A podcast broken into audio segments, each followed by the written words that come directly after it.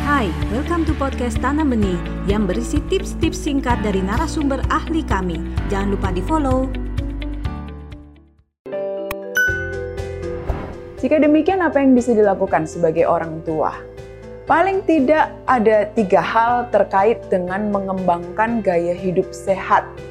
Yang dalam hal ini orang tua tidak hanya menyuruh anak, tapi hendaknya menjadi teladan, memberi contoh melakukan gaya hidup sehat ini.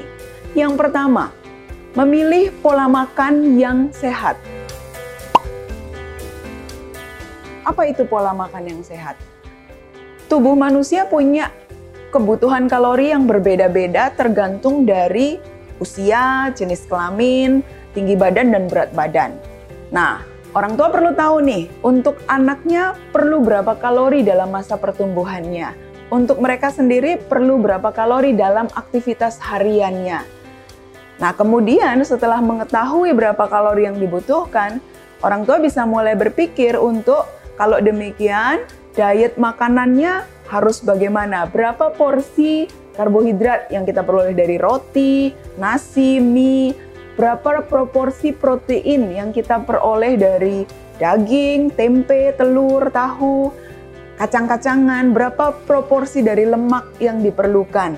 Nah, informasi tentang ini sudah banyak bisa diperoleh oleh orang tua melalui internet. Ataupun kalau orang tua ingin betul-betul paham, pergilah ke dokter gizi untuk berkonsultasi.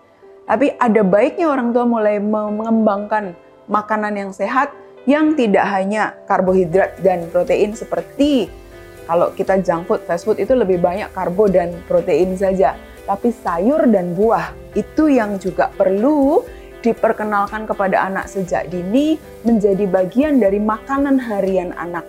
Karena sayur buah akan menjadi penyeimbang untuk supaya uh, kebutuhan makanan harian anak nutrisinya itu terpenuhi. Terkait pola makan yang sehat, orang tua bisa mulai belajar untuk membedakan apa yang namanya proses food. Jadi makanan yang sudah terlalu banyak diproses sehingga sebetulnya kurang sehat bagi anak. Jadi makanan-makanan yang frozen yang kemudian mudah tinggal digoreng atau tinggal dihangatkan di microwave, sebenarnya itu jauh lebih tak sehat dibandingkan dengan kalau orang tua menyediakan waktu untuk memasak dari bahan mentah.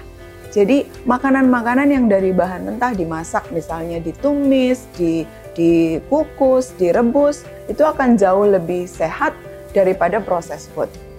Kemudian pengolahannya. Kalau kalau semua makanan digoreng, maka akan terlalu banyak asupan lemak tak baik bagi anak. Dan ini juga menyumbang kepada terjadinya obesitas.